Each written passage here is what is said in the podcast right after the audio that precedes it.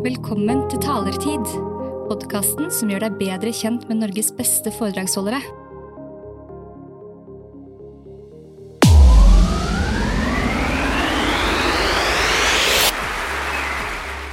Wow. Eirik Normann Hansen, du er futurist og teknologioptimist. Og når du holder foredrag, så sier du ofte at fremtiden er fantastisk. Men det sier du ikke så ofte lenger. Hvorfor ikke det? Nei, vet du hva, det, og det er jo ikke fordi jeg ikke tror at fremtiden kan være fantastisk, for det tror jeg definitivt den kan. Men jeg tror at vi, og særlig pga. en del av de nye tingene vi har lært mye om de siste året, trenger å passe på at vi ikke låser oss fast i det litt sånn åpenbare, det første vi ser, men at vi blir flinkere til å ta med oss det og prøve å se litt forbi det åpenbare, se hva dette faktisk kan bety for oss og for det vi driver med. Og hva er det som er det åpenbare, det som ligger litt som rett foran føttene på oss? Nei, det er litt sånn som nå, en periode i fjor snakket vi veldig mye om metaverset og VR og utvidede virkeligheter. ikke sant? Og da blir jo veldig mange sånn ja, men skal vi spille alle sammen nå? Skal vi møtes i et møte som to avatarer istedenfor å møtes på ordentlig? Er ikke det det handler om. Det er en bitte liten funksjon. Eh, hvis du ser på det norske selskapet Holocare f.eks., som bruker VR for å skanne hjertet ditt sammen med hjertekirurger, lage en 3D-modell eller til og med en digital tvilling av hjertet ditt som kirurgene kan stille diagnoser på, det er litt mer enn at du og jeg møtes i et virtuelt rom og snakker sammen.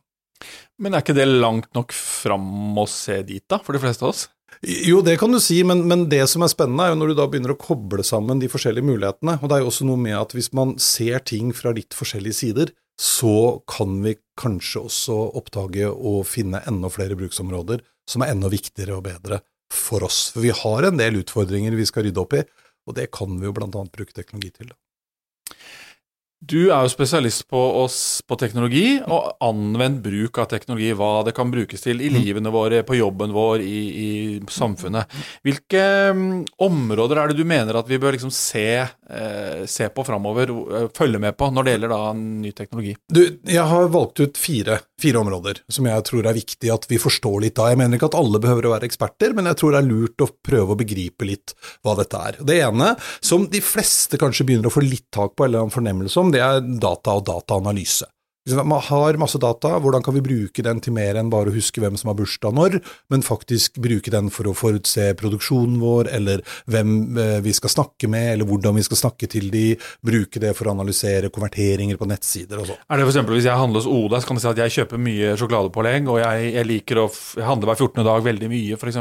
For eksempel det, ikke sant. Det jeg kjøper ikke det, da, men nei, ja, Jo, nei, selvfølgelig ikke, for nå har barna flyttet ut, så da kjøper du det, veit jeg. Nei, men, men, mye data, ja. Ja, mye data. Mm. Bruke det. og og dette blir viktigere og viktigere også fordi at vi trenger det for å gjøre eh, Lage mer bærekraftige løsninger. Redusere matsvinn, ikke produsere mer enn det vi trenger når vi trenger det, mm. til den tiden vi trenger det til f.eks. Mm. Så mange som er eksperter på det, trenger vi å skjønne litt av. Roboter og automatisering, også en viktig del, ikke bare liksom i produksjon der hvor det har vært før, men også inn i software-roboter som hjelper oss med å drive kundeservice, eh, og lage løsninger for oss eh, i forhold til markedsføring og en del sånne ting. Ganske mye spennende som skjer der, sånn, som man burde få litt oversikt over. Robotstøvsuger, går det under samme Robotstøvsuger går definitivt under samme kategori, og er jo en ting alle burde ha, for de blir vi glad i, vet du. Ja. Tror, alle har gitt de navn og sånn, de er vi ikke redd for. Så det er viktig. Viktig læring. Um, så er det liksom de to kanskje mest spennende som har vært, kom veldig fram, særlig i fjor. Altså Den ene er det jeg nå liker å kalle for utvidede virkeligheter. Extended realities. Det er liksom paraplybetegnelsen for alt som har med virtuell virkelighet og augmented reality og extended reality og alle disse begrepene, eh, som metaverset plutselig ble det store buzzwordet i fjor. Og det å fatte og begripe litt hva det er for noe, hvor vi er og hvor vi skal, tror jeg kan være smart. Eh, og Her finnes det masse eksempler som vi sikkert kan snakke om etterpå. Og så er det kunstig intelligens, da. Og Kunstig intelligens har jo vært en sånn mystisk greie som veldig mange ikke helt klarer å begripe, og vi har holdt på med dette siden hva er det for noe, noen og femti. Mens i løpet av altså slutten av året i fjor og starten av året i år, så har jo det eksplodert. Og da snakker vi om, om en, en, egen klasse med kunstig intelligens, altså generativ kunstig intelligens, som er til for å hjelpe oss å skape ting. Den kan skape bilder og tekst og, og, og den type ting. Da. Og La oss da starte på det siste punktet, nemlig kunstig intelligens. Hva er det du tenker eh, vi først og fremst kommer til å få glede av det til, hvis du ser på arbeidslivet? Hvilke oppgaver på jobben eller i samfunnet, Ja. er det som nå, eh, i løpet av de neste par årene f.eks., kommer til å bli mer eller mindre tatt over av Eller hjulpet av kunstig intelligens? ja, for jeg tror det er et viktig stikkord, faktisk. Ja. Fordi, akkurat nå så er det jo mange som føler at å nei, nå skal vi slutte å skrive, og vi skal slutte å lage bilder, og trenger ikke kunstnere og sånn, altså, og det er nok ikke helt sant. Eh, For det er både noe med denne fantastiske fornemmelsen av å kjøpe et originalt kunstverk, som det faktisk er en person som har laget. Hvis du tenker om, så er det ikke så imponerende at en datamaskin har fått til det samme. Men det å bruke det som inspirasjon ser man innenfor særlig kreative yrker. Veldig mange har litt sånn sperre. Det å begynne med blanke ark, ikke sant, veldig vanskelig. Bruke sånne verktøy som dette, enten da type eh, Midjourney eller Dalé eller sånn for å lage bilder eh, og illustrasjoner, eller ChatGPT, eh, som er da denne fantastiske chatmotoren som alle snakker om. Eh, og det er jo faktisk òg, og det er litt viktig å, å huske på, altså den har adoptert flere nye brukere enn Facebook og chat, Snapchat og alle disse her klarte på samme tid, i løpet av et døgn. Ekstremt fort, ja. Én million brukere. Aldri noen tjeneste som har gått så fort. Men her er det et hav av ting. Vi må hoppe litt tilbake. Ja. Bilder. Vil kunstig intelligens gjøre at f.eks. en grafisk designer og en fotograf blir arbeidsledig? Nei, jeg tror ikke det. Hvorfor ikke? Fordi at det er noe med den originaliteten som et menneske faktisk vil bidra med. Det den nok utfordrer, det er litt sånn stokkfotoverden, eh, kanskje. Eh, kjappe illustrasjoner. Jeg ser jo selv Bilde av et hus i New York, f.eks., eller For eksempel, en blomst? ja. Mm. Eh, Og eh, sånne som oss som driver med foredrag, ofte, mange som nå bruker den type tjenester for å lage illustrasjoner til slidene sine. Fordi at da slipper man eh, styret med opphavsrett og betale rettigheter og alt det kjøret der. Jeg har laget det selv. Og så er det noen som er flinkere enn andre til å lage sånne bilder, og eh, det går an. Jeg gjør det ofte sjøl. Nå kjenner jeg ble veldig nysgjerrig. Er det på en måte ingen som har rettigheten Hvis det, hvis det datagenereres et bilde av f.eks. en bygning, er det liksom rettighetsløst? Ja, I utgangspunktet så er det jo det, og dette begynner nå å komme. Ja. Nå er det, de første søksmålene har kommet. Eh, Og det er eh, kunstnere som ser fordi det du kan gjøre, er jo å beskrive. Beskriver en situasjon. Eh, to menn i 50-årene, det er deg og meg, som sitter i et studio og tar om et podkast eh, i en eller annen setting. Og så genererer den et bilde. Og det bildet er ganske random. Og det bildet vil nok antagelig ikke få noen store opphavsrettsspørsmål. Men hvis jeg sier at mal det bildet som om det var Vincent van Gogh som gjorde det, eller kanskje en nålevende Andy kunstner Warhol? ja. Eller, ja. Og det den gjør da, det er at den analyserer alle de bildene som den får tilgang til av den kunstneren, og så prøver den å se på stilen til den kunstneren og hvordan den kunstneren har løst det, og så får du et bilde som antageligvis ser ganske kult ut av oss to, minner litt om sånn som Vincent van Gogh eksempel ville male. Det hørtes ut som som et veldig fint bilde. ja, det kan vi, kan vi prøve etterpå, det blir kjempefint. Men hvis det, eh, det den kan gjøre noen ganger, og som de begynner nå å se at de gjør, er at for å fylle bildet rundt oss to, da, så tar den kanskje en landskapsbit fra et bilde som faktisk Vincent van Gogh malte. Ja.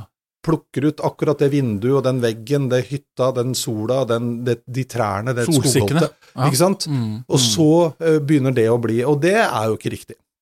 Men Så- betyr det at de som da Nå er det gamle kunstverk, da, men de som da eier åndsverk, må legge noen begrensninger Ja, dette er Dette jo er vanskelig på det, kopiering i gåsetegn. På, ja. Ja, altså antagelig så vil man jo få som man har hatt med musikk, for eksempel, hvor det kommer noen mekanismer, sånn i Norge har vi Tono og noen andre institusjoner, Mm, mm. Og, og selv om jeg bare sampler eller låner refrenget ditt, Mm. Hvis, så må jeg betale Mm, eh, rettigheter til deg.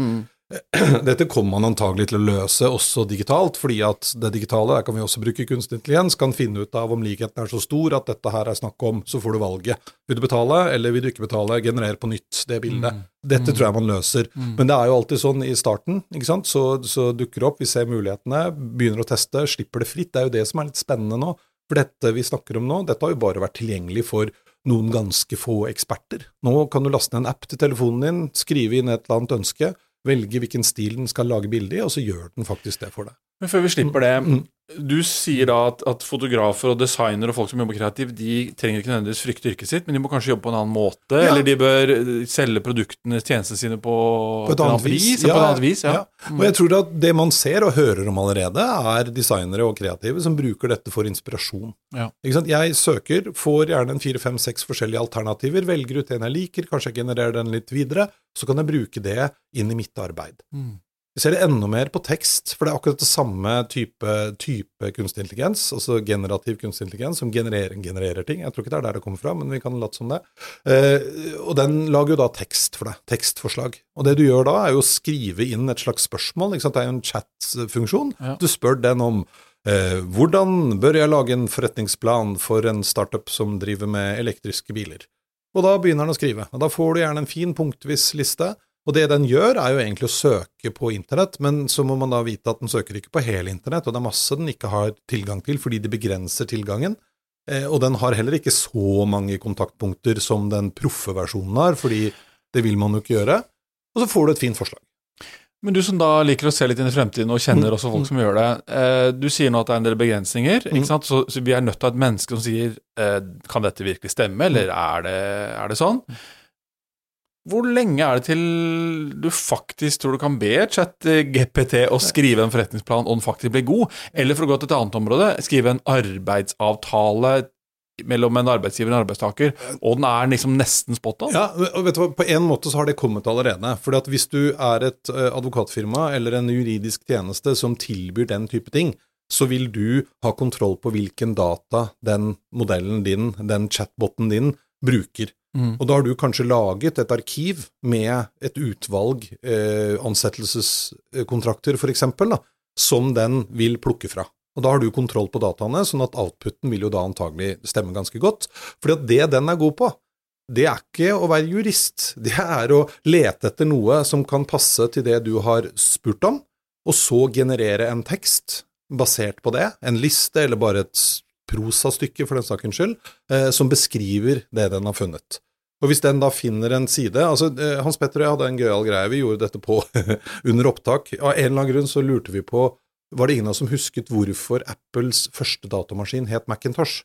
Det husker jeg. Ja, ikke sant? Og før du avslører det, vi husket ikke. Vi skrev inn, for da hadde ChatGPT akkurat blitt litt tilgjengelig. Vi skrev inn. Begge to ble litt sånn jøss, det visste jeg ikke, for da kom det en flott tekst som beskrev at dette var fordi en kollega av Steve Jobs hadde en veldig god venn i Skottland som brukte et spesielt type regntøy som var laget av en eller annen familie som het Macintosh, og det var durable og resistant eller noe sånt, og det mente han at datamaskiner skulle være også. Så vi bare jøss, det var overraskende. Det har jo ingenting med sannheten å gjøre, men teksten den skrev, fremsto jo som utrolig troverdig fordi den er utrolig god på å lage troverdige tekster. En ting du kan teste, ja, for det, hva er en riktig Sannheten er vel at Steve Jobs jobbet med epler, ja. og eh, Macintosh er en eplesort. Helt riktig. Ja. Men vi gikk fem på, og, og, sånn er vi mennesker. Hvis det, det er litt som sånne svindlertyper. Hvis, ja, og da, og da, tenker jeg Vi snakket i stad om våre tenåringsbarn. Ja. og det er klart at Hvis du ikke har lest eh, om Steve Jobs og ikke, har, eh, ikke vet det, ja. så høres jo den forklaringen du sa der, høres veldig fornuftig ut. Hans Petter og jeg gikk fem på. Ja. Vi tenkte, yes, Hans Petter Nygaard Hansen. Da. Ja, ja, altså, vi, vi, var sikre Vi Hadde ikke dem noe eplerøy. Nei, nei, se her, ja. Det var nytt for meg. Interessant. Fordi vi Altså, der og da. Og, og det er jo avgjørende med dette. Men igjen, ikke sant, de har sluppet opp en tjeneste som nå er tilgjengelig for alle. Den er kjempeflink til å lage tekst som fremstår som om den er original, og den teksten er jo for så vidt det, men den er jo basert på data som du må sjekke om er riktig eller ikke. Men litt tilbake til disse advokatene, for jeg slipper ikke helt. Hvis eh, et, et advokatfirma som lager avtaler, vil jo helst eh, som regel skrive flest mulig timer og ta best mulig betalt for det. Mm. Vil det være sånn i fremtiden at disse avtalene vil bli kunne autogenerert og lest ja. gjennom mennesker, at man bruker bare et par timer på dem, ja, ja. mens alt det vanskelige er ja, generert av en robot? Altså, den, den, tjenesten finnes jo allerede, for du trenger ikke nødvendigvis generativ AI til det. Det er et norsk selskap som jeg ikke husker i farta, som jeg har brukt sjøl til enkle avtaler. Eh, og det man kommer til å se her, som man har gjort i en del andre yrkeskategorier, tror jeg, er sånn som med eh, aksjemeglere og analytikere. Ikke sant? Når du og jeg gikk ut fra BI, så var det veldig mange av mine kompiser i hvert fall som begynte i den bransjen. Det jobba kanskje 50-60 stykker på det meglerbordet. Samme selskap i dag, kanskje ti. Ikke sant? Ratioen eh, mellom en analytiker og antall meglere har blitt en helt annen. Du har mm. sett det innenfor mm. mange andre områder også. Det tror jeg man kommer til å se eh, det samme i juristverdenen nå. Noen er ansvarlig fordi man trenger det, Eh, og så kan man gjøre flere jobber, ha flere eh, oppdrag som man håndterer samtidig, fordi datamaskinene hjelper deg med Så vi grunnlaget. ser det egentlig på alle områder. Jeg bestilte et hotell i går i USA, mm. og da fant jeg ut at eh, to rom for min familie var kostet 17 000 kroner. Mm. Så tenkte jeg skal jeg sjekke om det fins ett rom for en lavere pris. Og så bare tastet jeg inn det, dette var på hotels.com, da. Mm. Og da kom det et annet alternativ til 7000 kroner. Ja. Og det er en, også en slags datamaskin som Jeg kunne ringt et reisebyrå, så kunne de ringt rundt. akkurat Det gjorde man kanskje før. Akkurat Så litt menneske og litt Eller Ja. mye maskin. Ja, og det er jo det, det vi ofte pleier å si, ikke sant, at dette er jo alltid snakk om en kombinasjon. Ja. Sånn at de oppgavene hvor det er helt åpenbart at datamaskinen er flinkere enn oss, Mm. da bruker vi mye datamaskin og lite menneske. Mm. Eh, k- leger og analyse av, av eh, røntgenbilder, Mm. særlig innenfor mammografi, kom veldig tidlig. Når man begynte å snakke om at her skal vi bruke kunstig intelligens, fordi kunstig intelligens er kjempegod på å analysere bilder, Mm. så var det ramaskrik. Nei, nei, det er vår jobb, og legene må gjøre det. Nå er det nesten ingen leger som gjør det. Fordi at datamaskinen har blitt så god, og de har ikke noe interesse av det er mye Altså sitte og si nei, ikke kreft, ikke kreft, ikke kreft, ikke kreft. Ikke sant? Det er ikke så spennende. Nå får legen de vanskelige tilfellene, de maskinen ikke klarer å løse, som er de spennende casene som man kan grave seg ned i, og så ordner den resten. Mm. Sikkert noen som kontrollerer til syvende og sist bare for å være sikker, men det har endret seg. Og som tidligere med si, dampmaskin og andre ting, så kommer menneske og maskin til å leve godt i, eh, sammen. i sammen, bare Ja. man kommer til å endre oppgavene litt. Ja, ja, men det tror jeg, og det en annen ting som også er viktig å huske på, er at en jobb, en jobb, jobben din, det er ikke én oppgave, det er en hel haug av oppgaver. Mm. Og noen av de oppgavene er antagelig veldig eh, gode å, å få gjort av datamaskin, ting du kanskje ikke syns er så gøy heller. Du får frigjort tid til å bruke eh, på andre ting som er mer spennende. Jeg pleier å sammenligne med den gang da jeg drev mitt aller første byrå. Da satte jeg på begynnelsen av 2000-tallet. Da pleide jeg å sette av halve fredag til litt sånn administrative oppgaver. Og en ting jeg brukte ganske mye tid på, kom jeg på, det var å lage hull i papir. Ikke sant? Fordi at når hele dagen, hele, uka så fikk vi ordrebekreftelser på mail, eller noen ganger på fax til og med, de ble printa ut, og så la jeg de i en sånn eh, dings, hva heter det for noe, sånn eh, kassett på pulten min, og på fredag så satt jeg og signerte Mm, de og mm, lagde hull og putta mm. i perm. Ingen som driver med det lenger, for den oppgaven er tatt over. Er det noen som savner den, tror du? Nei. Nei. så, og det tror jeg er litt viktig å huske på. Jeg har jo min bakgrunn i PR-bransjen, og noe jeg brukte mye tid på da jeg var ung, det var da å stå om kvelden på kontoret og fakse ut pressemeldinger, det er helt sant, Ja. til landets redaksjoner. Tenk på det. Da skrev vi pressemeldingen, jeg fikk den godkjent av kunden, det Mm. kunne gå noen timer i løpet av dagen. Eh, Når den var ferdig, så printet vi den ut, og så sto det trykket inn Aftenposten, 2286, Mm. og så, og så Ok, det var det, og NTB. Ikke sant? Vi kunne selvfølgelig programmere, Ja. men det var alltid et risky hvis vi det hendte jo nemlig at vi programmerte, og så gikk vi hjem, og så hadde ikke faksen gått gjennom. Nei. Så vi sto kanskje tre-fire timer og fakset. Og det her er et fantastisk godt eksempel på å tenke jeg savner ikke. Si Nei, sånn. nei, ikke sant. Og hvis vi nå putter på den tenk forbi det åpenbare. For det man kan gjøre nå, er at du, PR-eksperten, skriver utgangspunktet, den generelle eh, pressemeldingen. I systemet ditt så har du alle de forskjellige pressekontaktene som burde motta denne. Det bestemmer kanskje den eh, kunstig intelligensen, basert på noen kriterier som dere har puttet inn. Så ser den at denne kategorien her, der burde jeg gjøre om språket lite grann, på ikke tilfeldig random ting på internett, men på det A-planen har skrevet. Ja. Og så sendes den automatisk ut, tilpasset eh, i ordlyd til den gjengen. Her kommer det en annen, her kommer det en tredje. Det kan den gjøre. Hvis vi tar det inn i markedsføring, så snakker man nå om å bruke dette i eh, tilpasning av Google-tekst, altså annonsen i Google-tekstene f.eks. Mm, kan mm. tilpasses tusenvis av ganger i sekundet, basert på hvem som søker. Så teksten der er litt annerledes når du får den opp, enn når jeg får den opp, enn når noen andre får den opp. Det er kanskje bare bra. Ja, ja, ikke sant, og det handler ikke om da, da er det fortsatt et menneske som har laget utgangspunktet, verifisert og sett på her, ikke sant, her er dataene, faktaene, det som er riktig, og så varierer den det. Jeg snakket med en her for litt siden eh, om akkurat disse tingene, som er veldig, veldig ekspert, og han sa at det vi kommer til å se, er jo at du har funnet masse artikler om et tema, og så mater du det gjennom chat-GPT og ber den om å lage noen punkter til deg som gjør det lettere å huske. Eh, eller, eh, og så tar du de punktene og kjører gjennom chat-GTP-en, GPT igjen, for å få den teksten som bare høres ut som den kommer fra deg. Så sender jeg den på mail til deg, et sammendrag, en rapport. Så tar du den samme teksten og mater den inn i chat-GPT og ber den om å lage noen punkter, for du orker ikke å lese all den teksten. Så vi, vi kommer til å bruke det på forskjellige måter. Og noen av de tingene som har begynt å utkrystallisere seg, litt det vi snakket om nå, salg og markedsføring i forhold til å generere innhold tilpasset forskjellige brukergrupper, f.eks., for eksempel, basert på da validert utgangspunkt, ikke noe jeg finner. Eh, I industrien så har man begynt å bruke dette for å lage tilpassede sjekklister, eller arbeidsoppgavelister. Dagens arbeidsoppgave. Du fra Somalia, og du fra Norge, og du fra et eller annet sted. Da jeg har skrevet inn, den ordner resten. Så det blir forståelig for de forskjellige menneskene. Um, IT-verden har jo omfavnet dette voldsomt, fordi den er veldig god på å lage utgangspunkt i kode.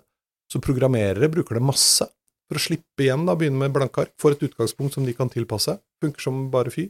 Eh, og, og, så risk og, og riskanalyse og, og juridiske tekster som blir skrevet om sånn at du forstår det.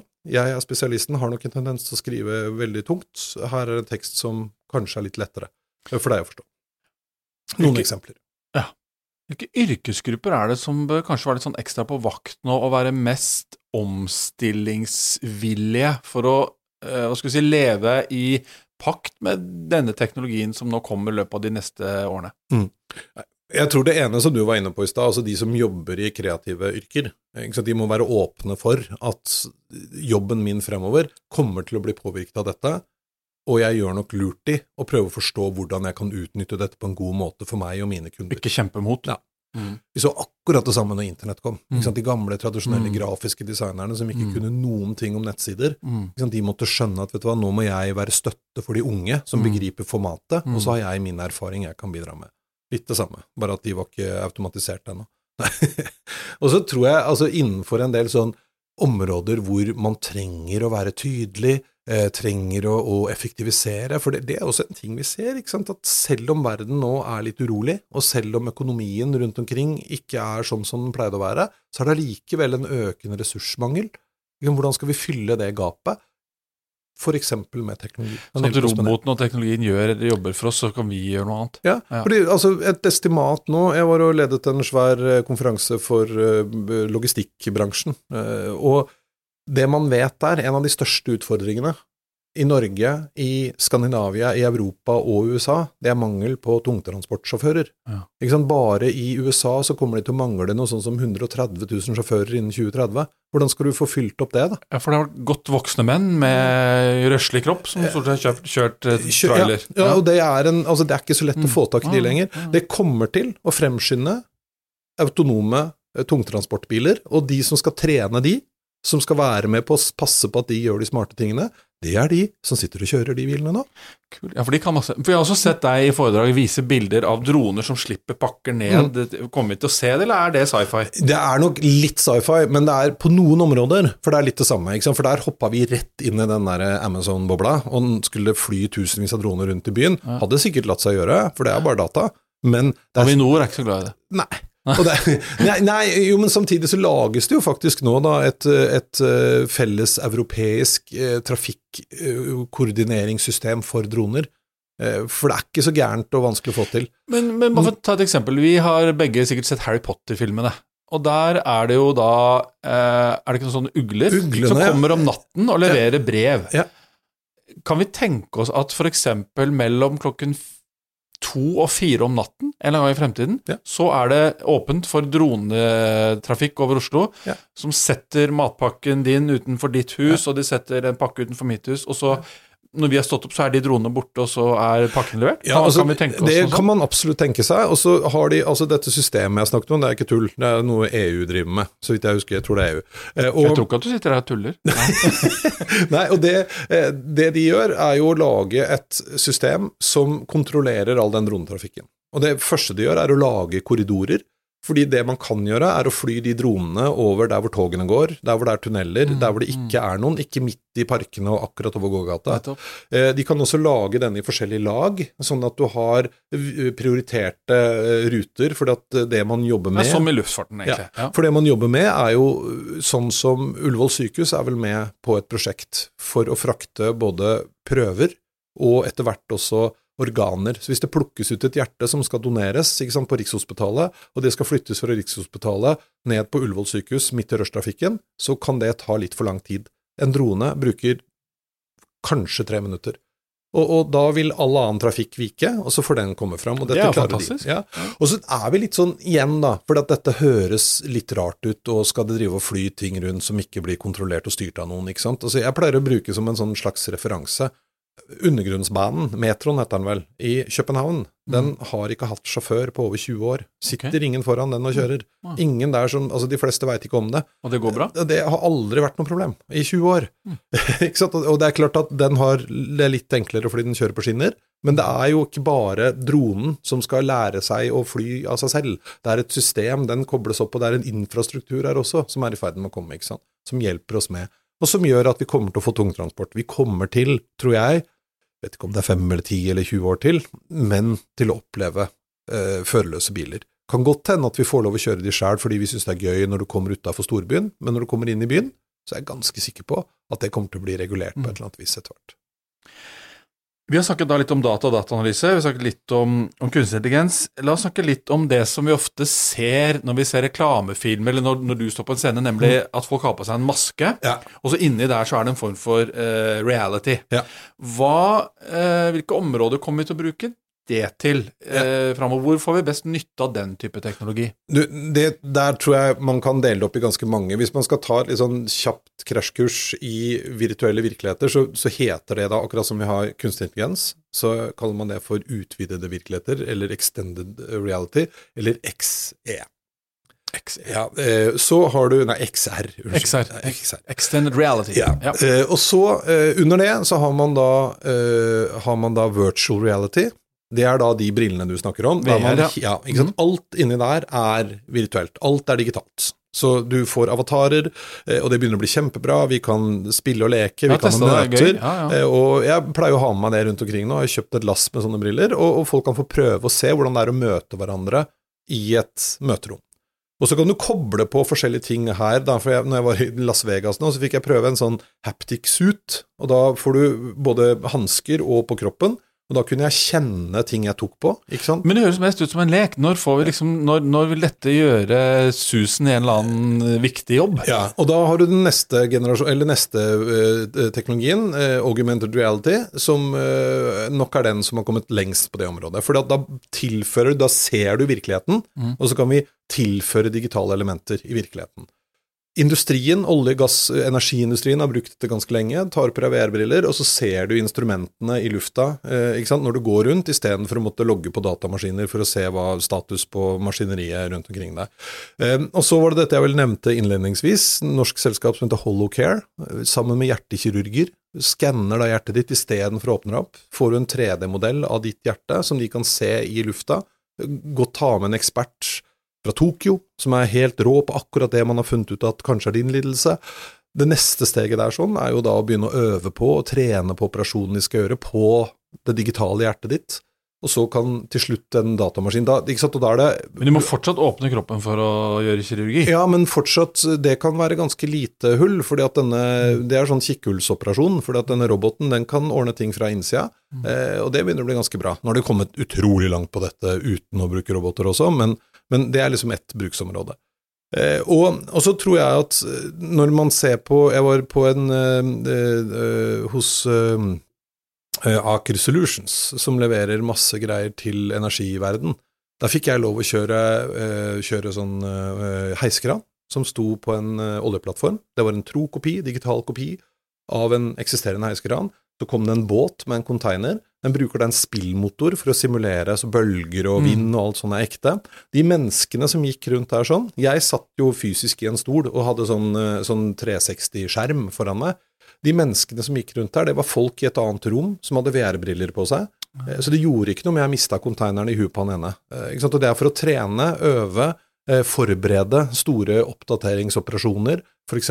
De For dem å bruke 5-10 millioner på det er ingenting i forhold til hva Så opplæring for eksempel, er et område vi kommer til å se mye på. Opplæring, trening, Mm. undervisning eh, innenfor veldig mange områder. Og så Mm. tror jeg at etter hvert som disse brillene må bli mindre? Det er fortsatt for mye hikkemikk. Men vi kommer til, tror jeg, å se om ikke så altfor lenge, folk som går rundt med vanlige lesebriller, sånn som du og jeg gjør innimellom, som har skjerm i seg. Det er noen som holder på å jobbe med linser allerede.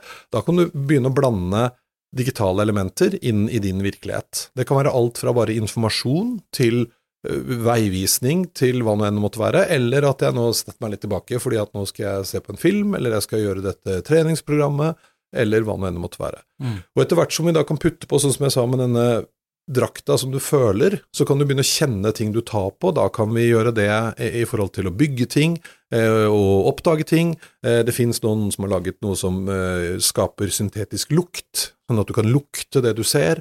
Det betyr at hvis du tenker at du fjernstyrer en robot som tusler rundt på en ubemannet oljeplattform, eller hva nå enn det måtte være, hvor det kanskje er varslet brann eller røykutvikling, så kan jeg faktisk lukte da, mens jeg går rundt omkring. For lukt er en veldig sterk sans som vi ikke har hatt tidligere. Mm. Så når vi begynner å kunne kombinere disse tingene, skru av og på hva som er virkelig og ikke virkelig, så er det utrolig mye mange områder man kan tenke seg at man kan få hjelp til dette.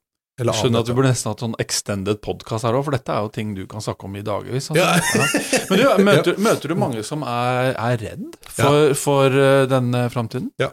Eh, Hva er de redd for? Det, og, nei, det, de redd for, ja, nei, det, de fleste frykter, er at dette skal bli, gå ut av kontroll. At vi, det skjer et eller annet med det som gjør at At robotene tar over for oss? Robotene tar over, kunstig tjeneste tar over. Og, og det, det, er bare å spørre sånne professor eh, Morten Goodwin og sånn. Han har skrevet en hel bok om myten om maskinene. Mm. De gjør ikke det. For det er vi som har kontroll. De kan bli kjempesmarte, men de er kjempesmarte til å analysere det bildet eller gjøre den operasjonen vi har satt dem til. De har ikke eh, intuisjon og følelser og meninger.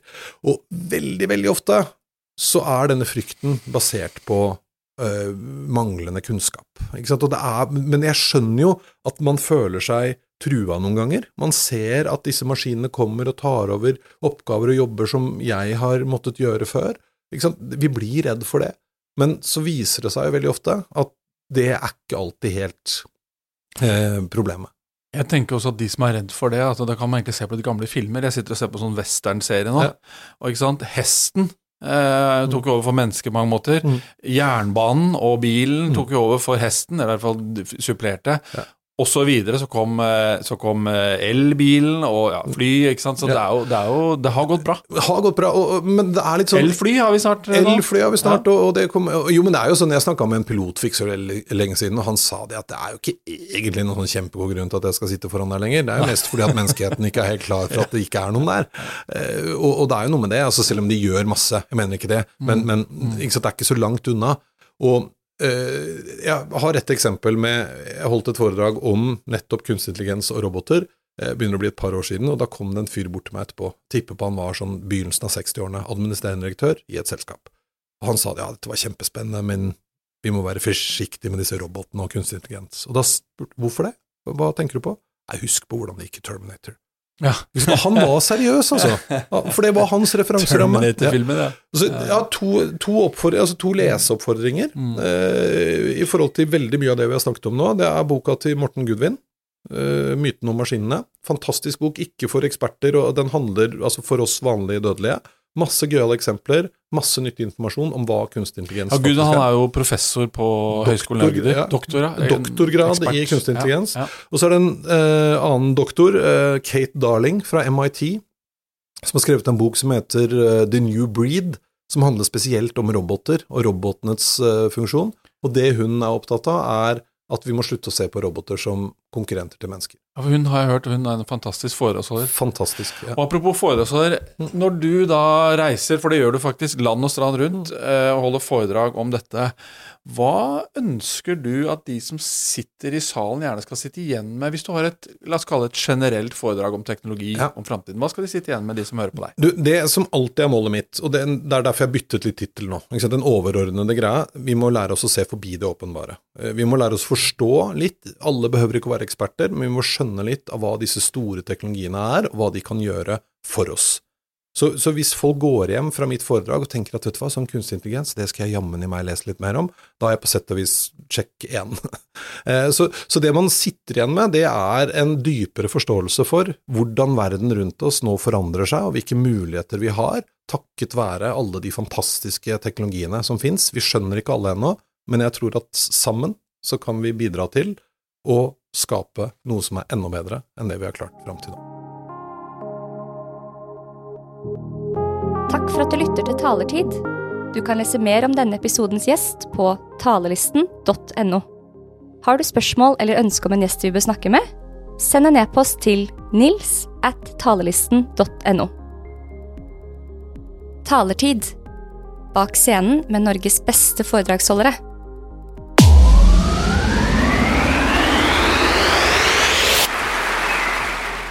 Wow.